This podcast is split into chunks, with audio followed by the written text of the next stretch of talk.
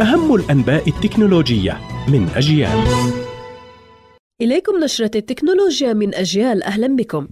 شركة Honor الصينية تكشف عن هاتفها الذكي الجديد. Honor Magic 5 Ultimate والذي يعتبر نسخة خاصة من سلسلة Honor Magic 5 التي أطلقت نهاية الشهر الماضي. ويمتاز الهاتف الجديد بتصميمه من الجلد ومواصفاته القوية كما زود بشاشة من نوع LTPO OLED. ومعالج قوي من نوع سناب دراجون وبطارية بسعة 5450 ملي أمبير تدعم الشحن السريع باستطاعة 66 واط ويمتاز بكاميرتين أماميتين إحداهما لتصوير العمق وثلاث كاميرات خلفية. أما تطبيق واتساب يختبر ميزة تتيح للمستخدمين كتم المكالمات الواردة من أرقام غير معروفة وتساعد الميزة التي تختبرها شبكة التراسل الفوري التابعة لميتا على التقليل من المكالمات المزعجة بعد أن أصبحت مشكلة متنامية مع المحتالين ومكالماتهم غير المرغوب فيها. وتوفر واتساب خيار حظر المتصلين والإبلاغ عنهم.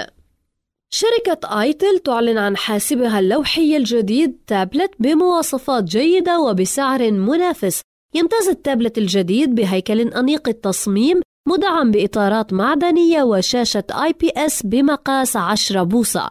يعمل بنظام أندرويد 12 وأضيفت له كاميرا أساسية بدقة 8 ميجا بكسل وأخرى أمامية بدقة 5 ميجا بكسل تعمل مع تقنية التعرف على الوجوه كما دعمت itel حاسبها الجديد بتقنيات للاتصال مع شبكات واي فاي وإمكانية إجراء المكالمات عبر شبكات 4G ومنفذ USB-C وبطارية بسعة 6000 ملي أمبير وتعمل مع شاحن سريع باستطاعة 10 واط موقع داونتاكتر المتخصص برصد عمل منصات التواصل يشير إلى شكاوي المستخدمين في العديد من الدول من عطل في عمل موقع تويتر مساء الاثنين وفسرت إدارة الموقع بأن العطل الناجم تأثير غير متوقع لعمليات تحديث للموقع.